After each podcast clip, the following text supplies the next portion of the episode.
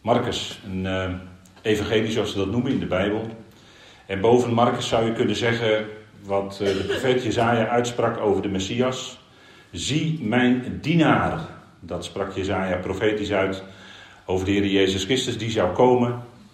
De obed van Yahweh, de dienaar, dat is het Hebreeuwse woord. De dienaar van Yahweh. Zie mijn dienaar. En in datzelfde vers, vers 42, of Jezaja 42 vers 1 staat... Dit is mijn uitverkorene. De Heer Jezus Christus zou komen en hij is de uitverkorene van God.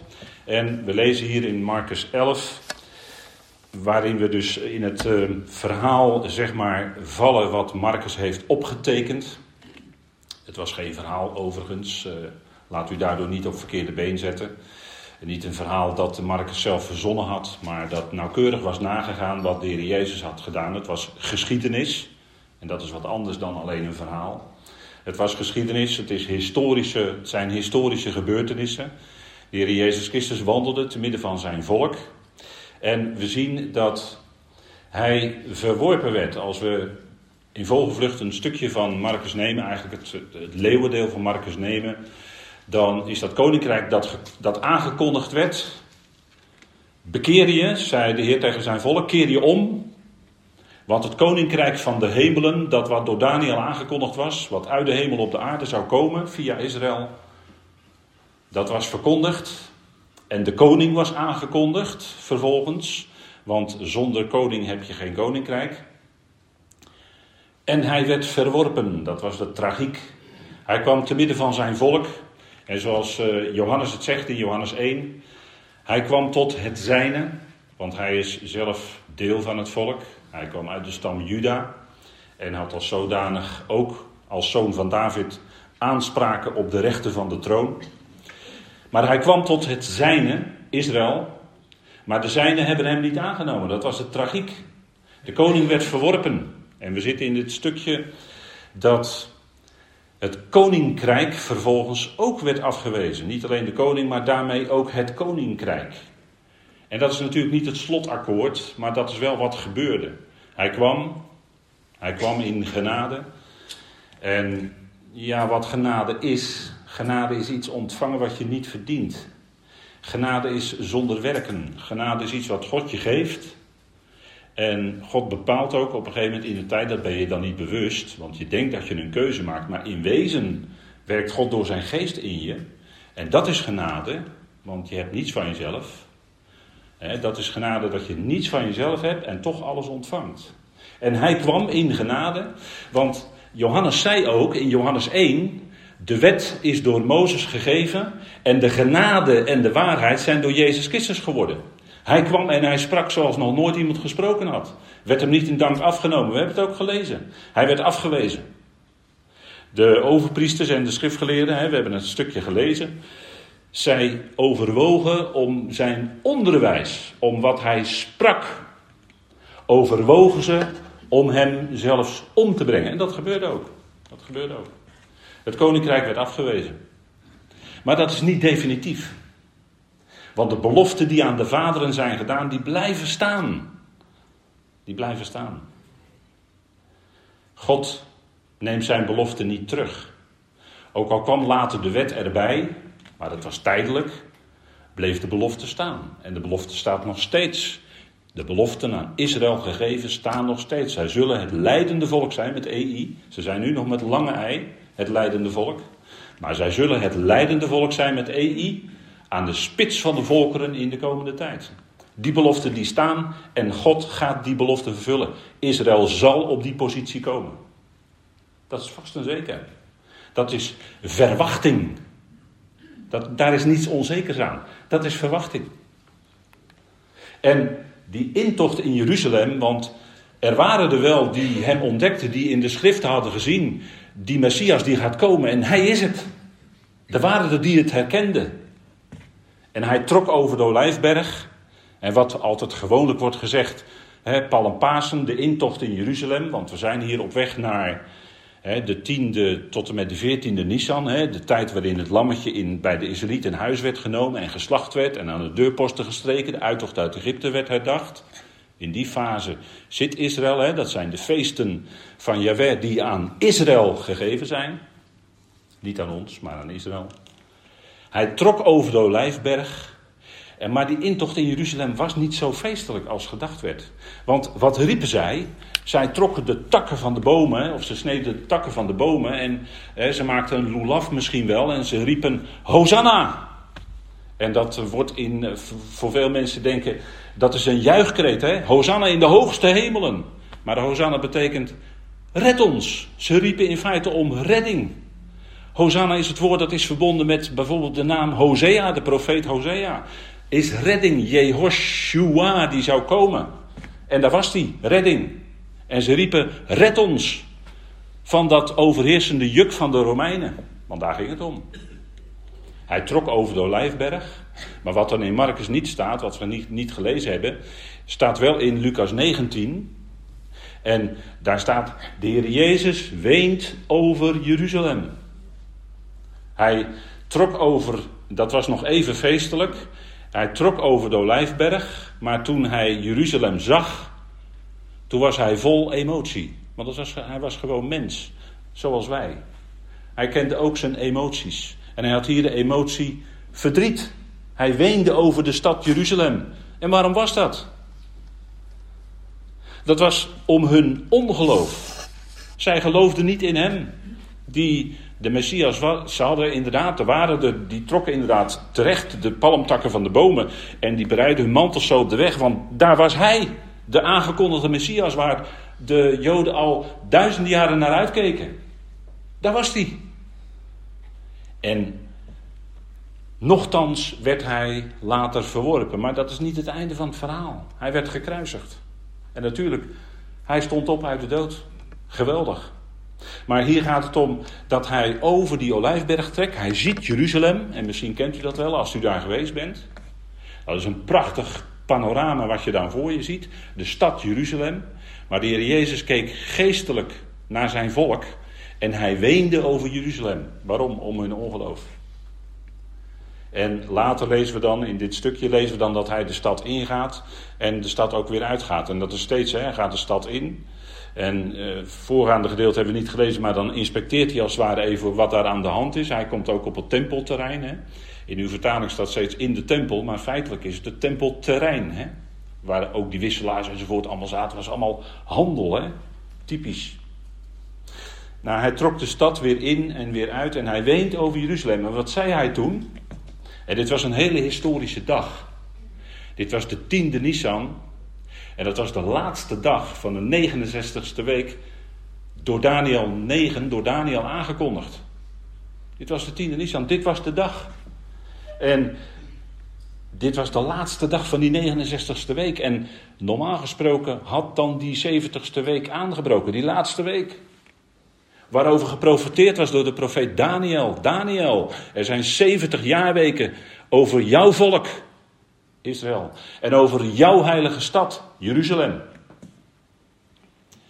En wat zei de Heer al wenend? Want er is niet zo vaak dat hij weent. Maar wel over Jeruzalem, over zijn volksgenoten. Daar was hij met hart en ziel bij betrokken. En hij weende toen zijn vriend Lazarus in het graf lag. En hij wekte hem op uit de dood. En dat was ook een reden waarom ze hem wilden doden, nota bene. Hij wekte iemand op uit de dood en de Joodse leiders wilden hem vervolgens daarom doden. En dat had natuurlijk te maken met concurrentie. Want zij hadden de leiding over dat volk. Zij waren de geestelijke leidslieden van het volk. En nu kwam er iemand, die wekte iemand op uit de doden. Ja, die kreeg een veel grotere aanhang. Maar dat zal niet gebeuren. Hij zal niet de, de stoelpoten onder ons wegzagen. Nee, we gaan, we, gaan hem uit de weg ruimen. En dat had de Heer ook aangekondigd. Hè? Van, u, u, weet wel, die, denk ik, die, die gelijkenis van die boze, boze wijngaardeniers. Hè? En de wijngaard, dat is Israël. Over bomen gesproken, want vandaag spreken we ook met elkaar over de vijgenboom. Maar de Heer Jezus die zei dit eerst. Och dat jullie ook nog op deze dag zouden onderkennen wat tot jullie shalom dient. Hij, dat is hij. Hij was zelf degene die werkelijk shalom zou brengen aan zijn volk. Nu is het echter verborgen voor uw ogen. Dat was een enigmatische uitspraak misschien. Het is misschien een wat raadselachtige uitspraak. Maar op dat moment werd het verborgen. Het koninkrijk ging niet door. Nog niet. Tijdelijk werd Israël uit de functie van lichtdrager gezet. Maar zij zullen weer in die functie terugkeren. dat is Romeinen 11, de Romeinenbrief. Zij zullen weer lichtdragers zijn voor de volkeren in de komende tijd. Dat gaat komen. Bethanië, daar kwam hij bij zijn vrienden. Uh, Lazarus, Martha en Maria. Dat waren de vrienden van de Heer. En die woonden in Bethanië, dus hij ging steeds de stad uit. En hij overnachtte dan in Bethanië, en dat betekent huis van vernedering. Hoe tekenend, hè? Hoe tekenend, want hier was het nog niet zijn verhoging, hier was het nog zijn vernedering. En dat is ook de positie waar wij ons in bevinden vandaag de dag. Want dan zegt u, ja, wat heeft dit nu allemaal te maken met mijn dagelijks leven? Nou, uw positie in uw dagelijks leven is dat u ook in vernedering bent. Eh, ja, we hebben veel genade mogen ontvangen. Dat is fantastisch. De brieven van Paulus is geweldig. Die bruisen van de genade. Is een geweldige boodschap. En daar kun je niet genoeg naar luisteren. Want genade is iets heel aparts.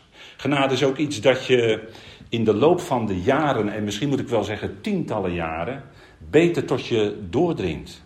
Eh, het is niet alleen het horen en opslaan in je hoofd, maar het is ook ermee leven, eruit leven uit genade. En dat is, een, dat is iets dat in je systeem moet komen, om het zo maar te zeggen. Het moet gaan landen in je leven en daadwerkelijk gaan leven, echt helemaal uit genade. Dat kun je niet in een jaar tijd. Dat gaat niet. Daar is een heel leven, want je moet eerst een heleboel dingen kwijtraken. Eerst je eigen wijzigheid. En dat kan al een heel leven duren hoor, want we zijn met z'n allen nogal eigenwijs. Ik ook hoor, ik sluit mezelf daar gewoon bij in.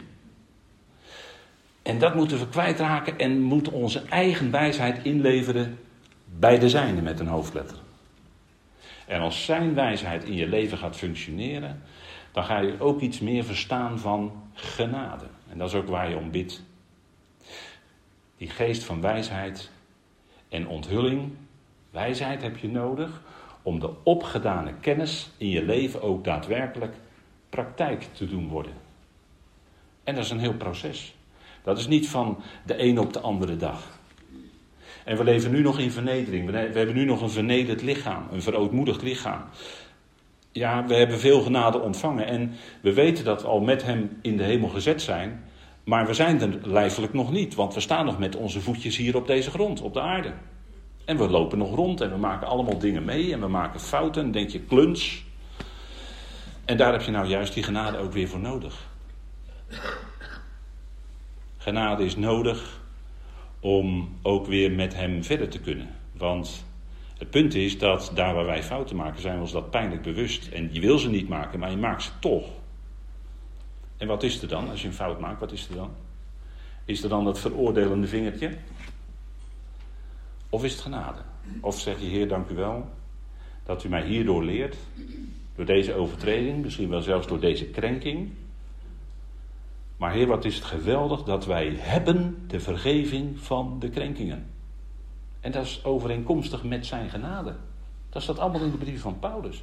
En daar, daar kun je dan weer mee verder in je leven. Hij kwam in Betanië. Hij was in het huis van vernedering. En als we naar ons eh, lichaampje kijken, dan is dat eigenlijk ook een huis van vernedering. Naarmate je ouder wordt, gaat het steeds moeilijker. Ga je ook steeds moeilijker lopen enzovoort. En, ga, en krijg je allemaal pijntjes en wordt het een beetje krakkemikkig en zo allemaal vervelend. Beperkingen. En dat kan je ook te neerdrukken. En dat is niet makkelijk. Die weg is niet makkelijk die we gaan. Maar het is nog vernedering, maar het zal worden heerlijkheid. Want die genade die Hij aan ons gaat laten merken, daadwerkelijk, ook lijfelijk. Dat oude lijfje blijft niet oud, maar dat zal straks vernieuwd worden in de opstanding of als de bazijn gaat. En dan zal het veranderd worden en gelijkvormig gemaakt worden aan zijn heerlijkheidslichaam. Dat is geweldig. Maar dan heb je een verwachting. Daar kun je mee leven. Dat is punt. Want een geweldige verwachting geeft levenskracht nu in je dagelijks leven. Betvage, het huis van de groene vijg. Daar kwam de Heer ook. Hè? Betvage, Betanië. Hebreeuwse woorden die geweldige uitdrukking hebben. En u ziet hier op dat kaartje dat Betanië lag ergens, dat ligt ergens eh, op de Olijfberg. En als je dan vandaar komt, dan trek je over de Olijfberg en de Heer zag Jeruzalem. En toen kwamen ze in Betanië. En toen kreeg hij honger. En het was inmiddels de 11e Nisan, dus we maken stapjes. Hè. En dan zag hij een vijgenboom. En die vijgenboom, daar ging hij naartoe. En dat was misschien wel een klein beetje. De Heer wist het natuurlijk, hè, die vijgenboom die daar stond, die stond al vol in blad. Maar het was eigenlijk nog een beetje te vroeg. Voor de tijd van, in de tijd van het jaar, zo april ongeveer, hè, 11 Nisan. Het is eigenlijk nog een beetje te, te vroeg voor de vijgen. Want ik weet nu of u een vijgenboom achter huis heeft staan, wij wel. En um, dan, dan krijg je uh, in het begin, in het voorjaar, krijg je eerst, gaan die vijgen zich al zetten. Maar in ons klimaat, als het koud, dat lukt niet, die eerste vijgen, die eerste oogst. Die moet eigenlijk in eind mei komen. Maar omdat het nog, uh, ja, uh, tot aan de ijsheilige kan het nog vriezen. Hè. Dan heb je nog nachtvorsten. En dan vriest het kapot. En dat gebeurt vaak. En dan heb je die eerste oogst niet. Eerste oogst heb je niet. En misschien wel een oogst van vijgen. Maar dat is dan pas in de zomer. Dus de eerste oogst, als je een goede vijgenboom hebt, en daar in het Midden-Oosten zijn, zijn, er heel veel, hè, die landen rondom de Middellandse Zee. Heb je de eerste oogst zo'n beetje eind mei, maar de oogst is dan in de zomer. En als die vijgenboom dan echt uit gaat botten, zegt de Heer Jezus ook in Matthäus 24, dan weet je dat de zomer dichtbij is. Maar de Heer ging hier naar die vijgenboom toe en hij wist, hij wist het is eigenlijk te vroeg. En hij wist ook wat hij daar zou aantreffen. Maar hij wilde aan de omstanders, aan de discipelen iets leren. Hè? En kijk, dat, dat land Israël is natuurlijk een geweldig rijk land. Want dat was aan hun beloofd in de, in, in de Torah, in Deuteronomium. Daar werd gezegd, want het is Yahweh, jullie Elohim, zegt Moshe hè, daar. Yahweh, jullie Elohim, hè, de Heer. Yahweh is ik ben. En Elohim is uh, het Hebreeuwse woord eigenlijk. We vertalen dat met God, maar dat is allemaal zo vlak, vind ik. Want je kan tegenwoordig alles God noemen. Er werd in de liturgie gesproken over uh, Arie de Rover, die had het over afgodjes in je leven. Nou, een afgodje in je leven, misschien heb je er iets aan. Dat is alles wat belangrijker wordt dan God. Dat is een afgod in je leven. Alles wat belangrijker wordt dan God zelf. Een afgodje. Maar Elohim betekent eigenlijk onderschikkers. Het Hebreeuwse woord heeft eigenlijk te maken met plaatsen of onderschikken. God geeft ons de plaats in ons leven. Hij schikt ons in die plaats. Hij zet ons in die plaats. Dat is ook het Griekse woord, plaatser. Hij zet ons op die plaats waar hij ons wil hebben. En hij is liefde, altijd. Hè? God, als je nadenkt over God of als je spreekt over God, altijd erbij beseffen: God is liefde. Dat is altijd zo. En hij brengt jullie naar het goede land, een land van rivieren met waterbronnen en diepte die uitkomen in de valleien, in de bergen, land van tarwe en gerst. En er komen de zeven vruchten hier. Tarwe en gerst. En je ziet hier uh, rechts tarwe en links gerst op deze plaatjes. Een wijnstok. Israël wordt ook vergeleken met de wijnstok of de wijngaard. En later zou hij komen die zelf van zichzelf kon zeggen: Ik ben de ware wijnstok. Die hadden ze ook nodig. En de vijg, daar is die dan. Hè? En de granaatappel, de vijfde. En dan een land van olijfolie en honing. Prachtig hè? En olijf, de olijfboom, de wijnstok en de vijgenboom zijn alle drie op een bepaalde manier beelden van het volk Israël. Op een of andere manier beelden ze iets uit wat met Israël te maken heeft. En die boom die komen we al heel vroeg tegen in de schrift, in Genesis 3. Toen Adam en Eva gezondigd hadden. Uh, wat is het punt? Wat, wat doet zonde bij een mens? De zonde maakt de mens van zichzelf bewust van zichzelf bewust. De zonde keert dus de aandacht af van de schepper en richt je op jezelf. Dat is een van de dingen van de zonde. En hun ogen werden geopend. Hè? Hun ogen werden ontsloten, staat er dan. En ze zagen van zichzelf, nadat ze gezondigd hadden, dat ze naakt waren. En ze wilden die schande van de zonde in feite bedekken. En ze maakten voor zichzelf gordelrokjes, of gordels staat er eigenlijk in het Hebreeuws. Vijgenbladeren, om te bedekken. En waar is dat nou een beeld van? Wat, wat wil dat nou zeggen? Vijgenbladeren zijn er waarmee je bedekt. En dat beeldt eigenlijk uit de werken van de mens, die de mens doet, de poging die de mens doet, om een eigen gerechtigheid op te bouwen. Een mens wil soms zijn zonde of zijn zonden, dat is, dat is heel religieus. een mens wil zijn zonde of zijn misstappen, of is misschien een beter woord, maar wil zijn misstappen en zijn overtredingen compenseren. He, dan is een soort weegschaal. Wil ze, aan de ene kant beseft die mens van ja, ik schiet aan alle kanten tekort. En aan de andere kant wil hij dat compenseren door allerlei goede dingen te doen. En de diverse religies van de wereld die hebben daar wel een woord voor. Misschien kent u dat wel. Hè? Hindoeïsme bijvoorbeeld heeft daar een specifiek woord voor wat je nog alles rond hoort uh, zoomen. Maar dat is religie. En dat is ook precies wat op dat tempelplein eigenlijk gebeurde, hè, als we even vooruit lopen. Op dat tempelplein, wat daar gebeurde, was in feite religie. Was koehandel, handel bedrijven. En de Heer zei, en de Heer had, was mens hè. De Heer had emoties en de Heer kon best flink verontwaardigd worden. En dat was hij ook op het tempelplein. Hij keerde die tafels van de wisselaars om. Hij zegt: Jullie hebben het huis van mijn vader tot een rovershol gemaakt. Nou, nou, dat is nogal een stevige uitspraak. Stemt dat overeen met de liefde en de genade van de Heer? Ja. Want verontwaardiging kan best rechtend zijn. En de Heer was daar terecht verontwaardigd over wat hij zag. Ze bedreven koehandel. En de wisselaars, hij keerde de tafels van de wisselaars om. dat was zeg maar toen, de, en nu heb je de Forex, dat gaat allemaal digitaal. Maar toen was het echt wisselen. En er werd natuurlijk flink geld aan verdiend. De mensen moesten hun dieren kopen om te slachten bij de priester. En die moesten ze kopen. En dan kwamen ze uit het buitenland met allerlei vreemde valuta. En er werd gewisseld. En er werd natuurlijk flink geld aan verdiend. Want denk erom dat je aan geld wisselt, daar kan je flink aan verdienen hoor. De handel, nou, daar kan je rijk van worden.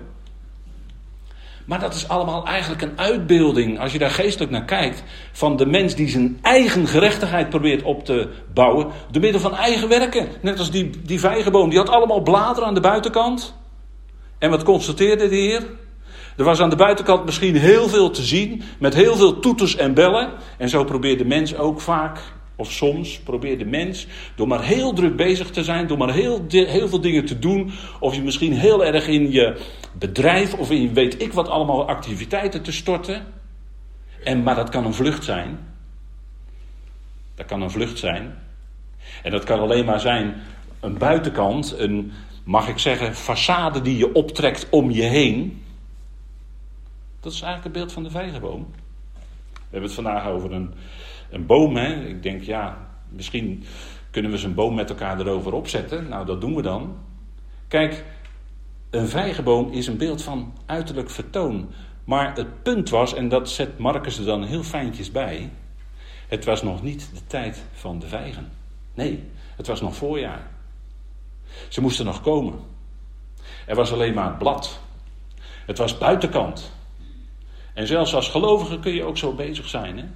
Heel erg je inspannen, heel erg bezig met allerlei dingen doen, doen, doen, doen, doen. Maar is er dan ook vrucht? Is al dat werken, al dat doen, is dat ook vrucht? Als je de Bijbel erop naslaat, is waar Paulus het over heeft, de vrucht in ons leven, iets wat de geest in ons als vrucht zet in de loop van de jaren. De vrucht van de geest. Galaten 5, vers 21 en 22. Nee, niet die akelige werken van het vlees. Daar heb je die werken weer, hè? Dat is vlees. Dat is een heel bedenkelijk rijtje wat daar staat. He? Heel bedenkelijk. En als je daarmee bezig gaat, dan moet je het ook, heb je het ook heel druk. Moet je heel veel werken, werken, werken. Inspannen. Maar de vrucht van de geest is iets dat God in je leven zet. Iets dat God in je leven uitwerkt. Werkt. Bewerkt.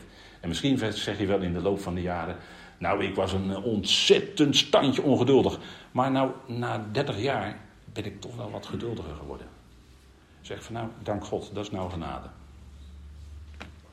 Dat is genade. Liefde, hè, liefde is de eerste facet van die vruchten. En daar zit eigenlijk alles in. Daar zit eigenlijk alles in, in de liefde. En dat zegt uh, Paulus ook, dat hadden we het laatst in de Bijbelstudie ook over. Liefde is eigenlijk het complement van de wet. Is het completering van de wet. Eigenlijk is dat waar die hele wet in wordt samengevat. In het, je zult je naaste lief hebben als jezelf. Daar zit alles bij in.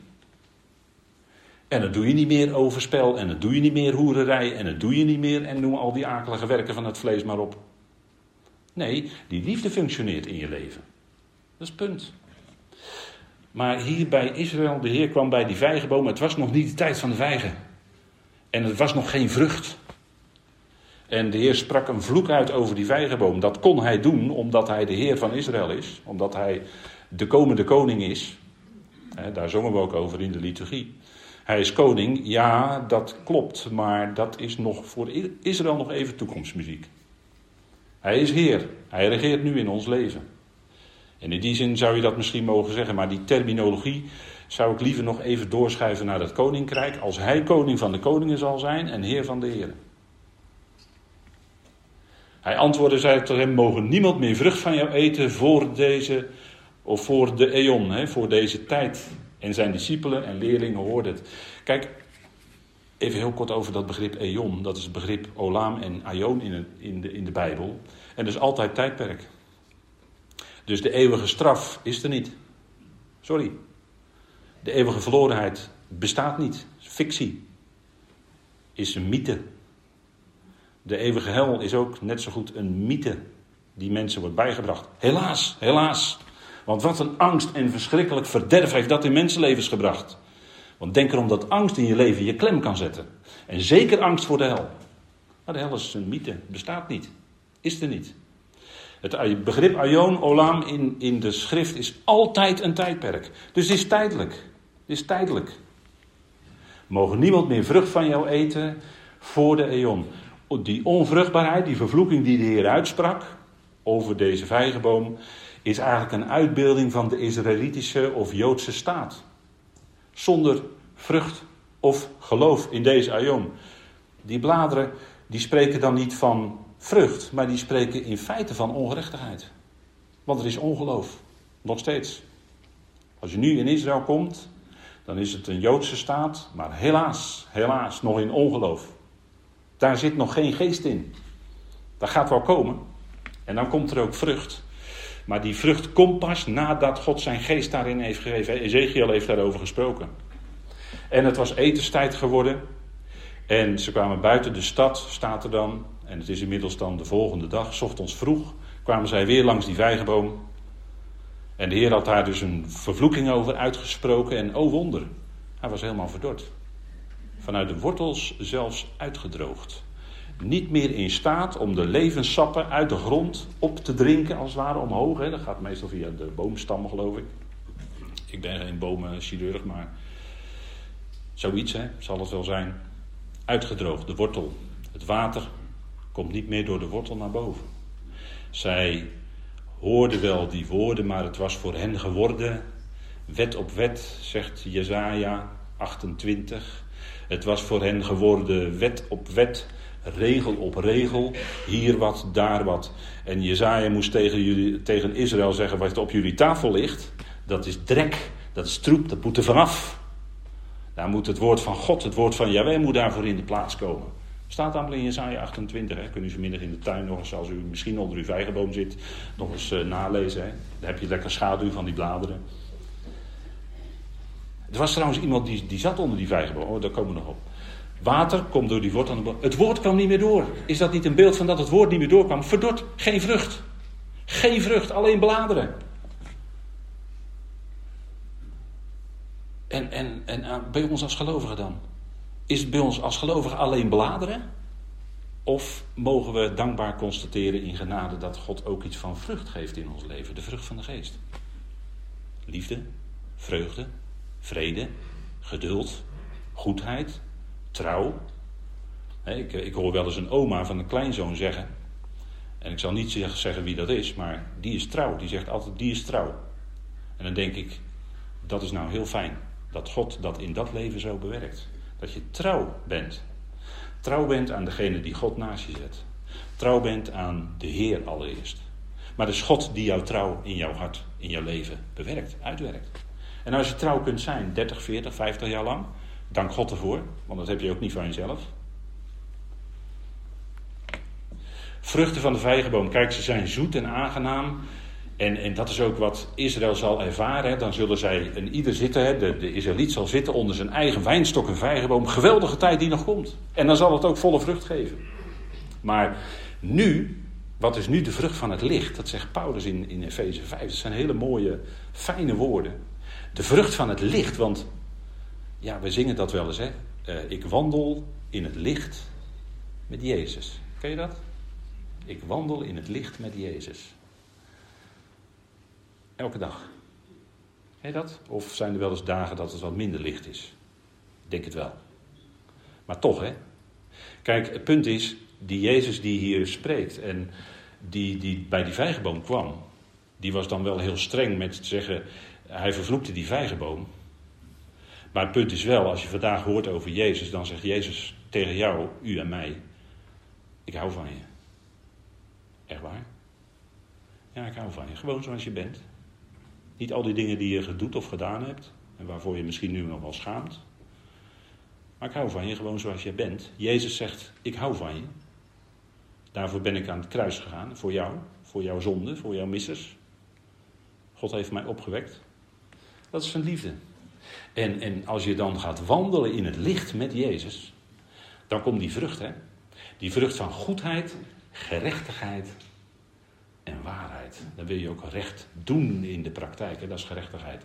Recht doen en geven wat die ander toekomt. Dat is bijbelse gerechtigheid. Geven wat die ander toekomt.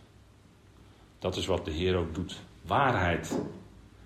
Waar zijn. En we leven in de tijd dat de leugen regeert. Wie was het? Koningin Beatrix, geloof ik, hè, zei dat een keer. Die zei dat een keer. Hè? Toen was ze nog koningin. Die zei: De leugen regeert. En dat zei ze over de journalistiek. Ik denk van nou, oké, koningin Beatrix zegt het dus ja. Nou ja, goed, de leugen regeert. Ik herhaal het dan maar. Ik citeer dan, hè.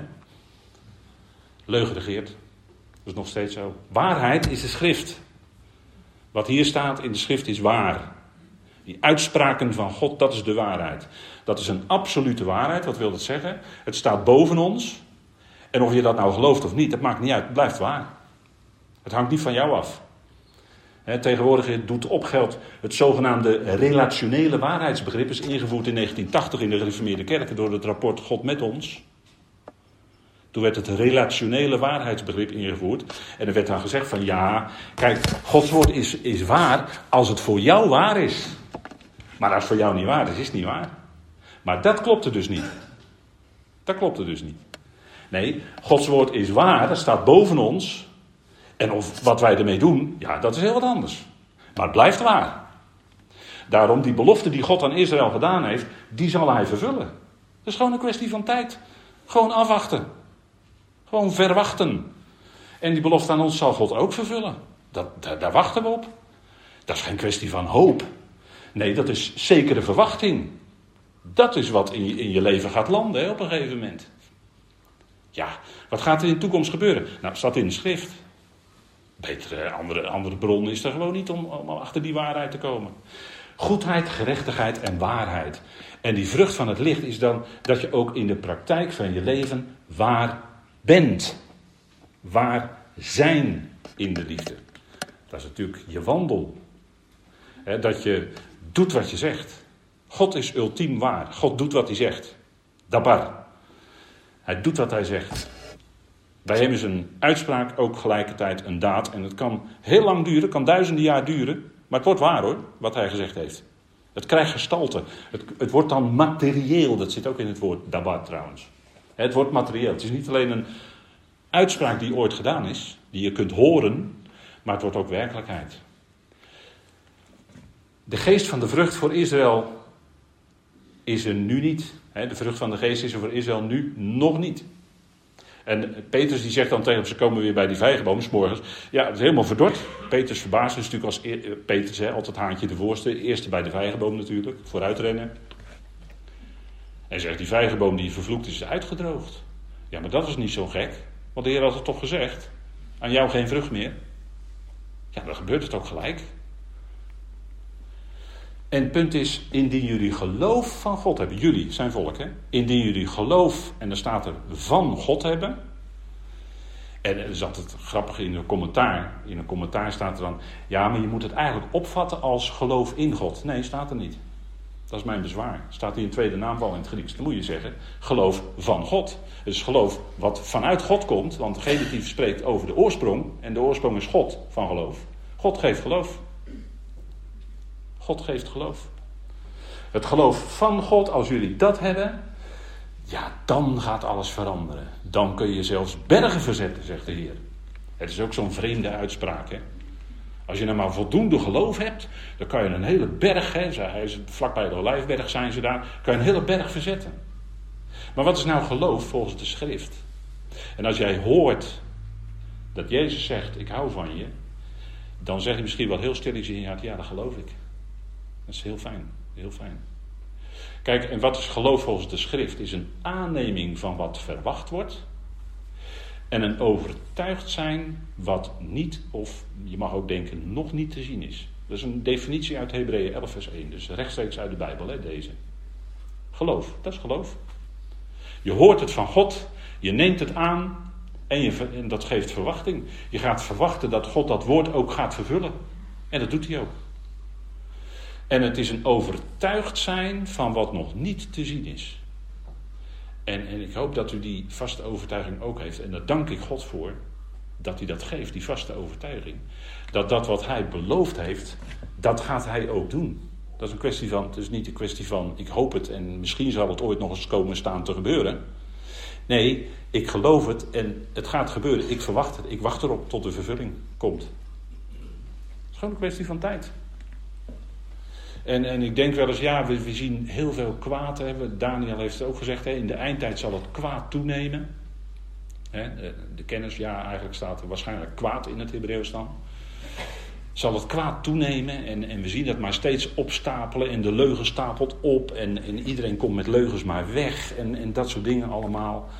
En, en ja, wat moet je ermee? Dan denk ik van nou, tijd, tijd is altijd in het voordeel van God. Want naarmate de tijd vordert, gaat er ook een einde komen aan deze boze aion waar we nog steeds in leven.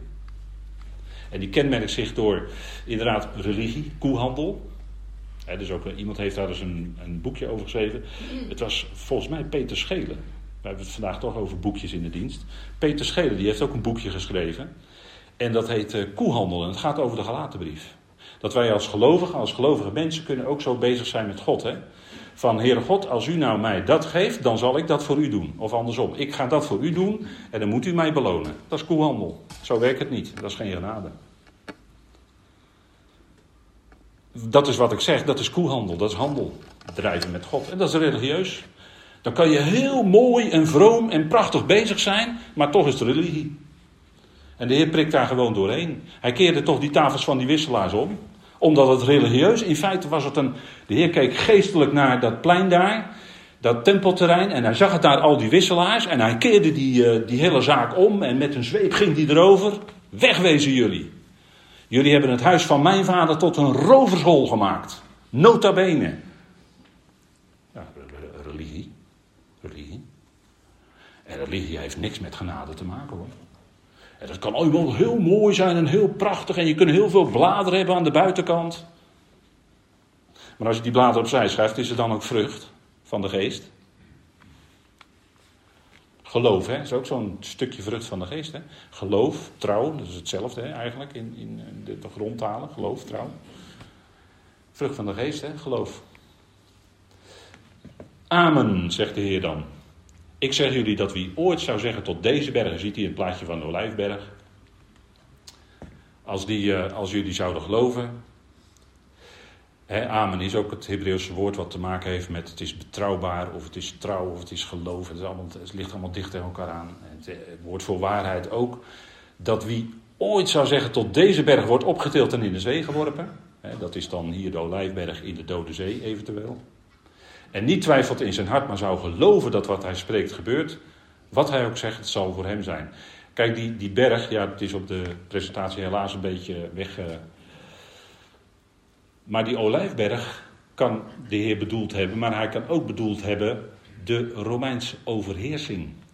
Want als Israël toen zou geloven in hun Messias, dan was het ook gelijk het einde geweest van de Romeinse overheersing. Want dan zou het nog zeven jaar tijd zijn. Dan was die zeventigste week van Daniel voorbij. En dan gaat hij zijn koningschap vestigen. En dat zal ook gaan gebeuren in de toekomst, daar spreekt Zacharia 14 over. Hij zal zijn voeten zetten op de Olijfberg. Hij, wij zijn daar niet bij waarschijnlijk, of misschien zien we dat van bovenaf. Maar wij hebben natuurlijk geen aardse toekomstverwachting. Maar hij zal zijn voeten zetten op de Olijfberg. En dat is ter gelegenheid van de. Ja, ik, eh, ik, ik vind het moeilijk om te zeggen, maar dat is wat de profeet zegt daar. Dat is ter gelegenheid van de verwoesting van Jeruzalem. Dat zal nog een keer gebeuren. Daniel heeft er ook al iets over gezegd in Daniel 9. Dat tot het einde toe besloten is tot verwoestingen. En aan het eind zal Jeruzalem nog een keer verwoest worden. De Heer spreekt niet hier alleen. Uh, hij sprak toen hij over de Olijberg kwam dat geen steen op steen gelaten zou worden. Dat hebben we dan niet gelezen met elkaar, maar er zou geen steen op de andere gelaten worden. En natuurlijk, dat is gebeurd in 70 onder, in het jaar 70 door de Romeinse generaal Titus, die stad en tempel verwoestte. Dat was een vervulling ervan, maar nog niet de definitieve. De definitieve komt nog. Jeruzalem gaat nog verwoest worden. Het land gaat nog verwoest worden. Want als er een oordeel van God komt, dan is er woestheid en leegheid en duisternis. En er wordt ook over Israël gezegd als het oordeel gekomen is. Het wordt nog een keer verwoest.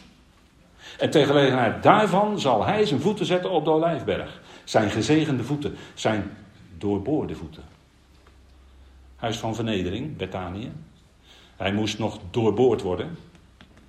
Kruisiging.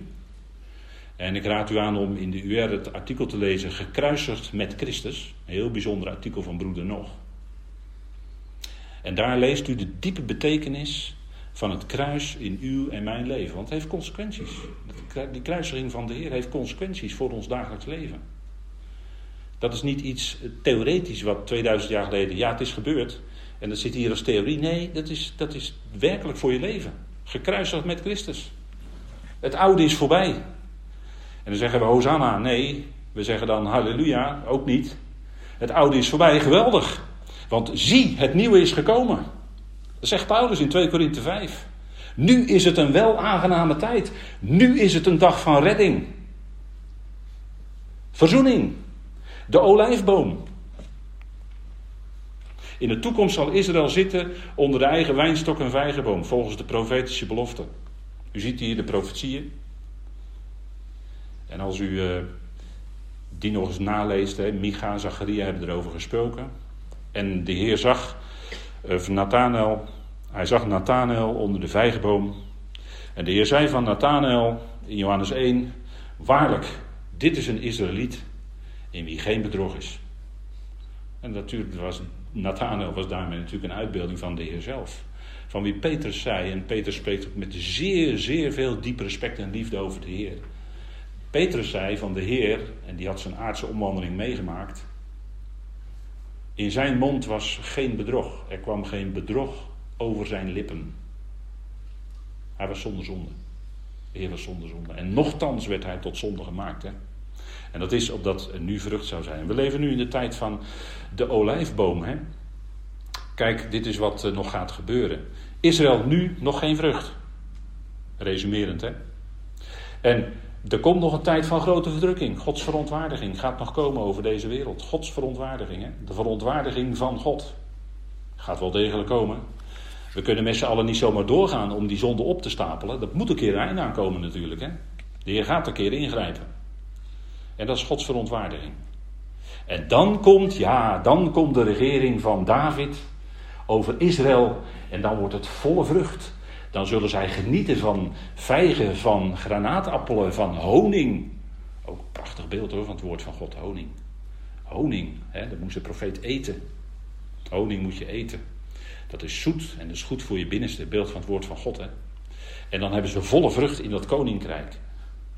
Kijk, waar bestaat die koningsheerschappij van God uit in je leven? Dat zegt Paulus in Romeinen 14. Dan sluiten we af met de Romeinenbrief. Zijn we toch weer bij Paulus, hè? Romeinen 14. Het koninkrijk van God bestaat uit gerechtigheid, vrede en vreugde in Heilige Geest, zegt Paulus. Dat is, als het goed is, als het fijn is, is dat nu al in ons leven aanwezig. En gerechtigheid, daar spreekt de vijgenboom van. Hè? Die vrucht, die werkelijke vrucht van de vijgenboom spreekt van gerechtigheid.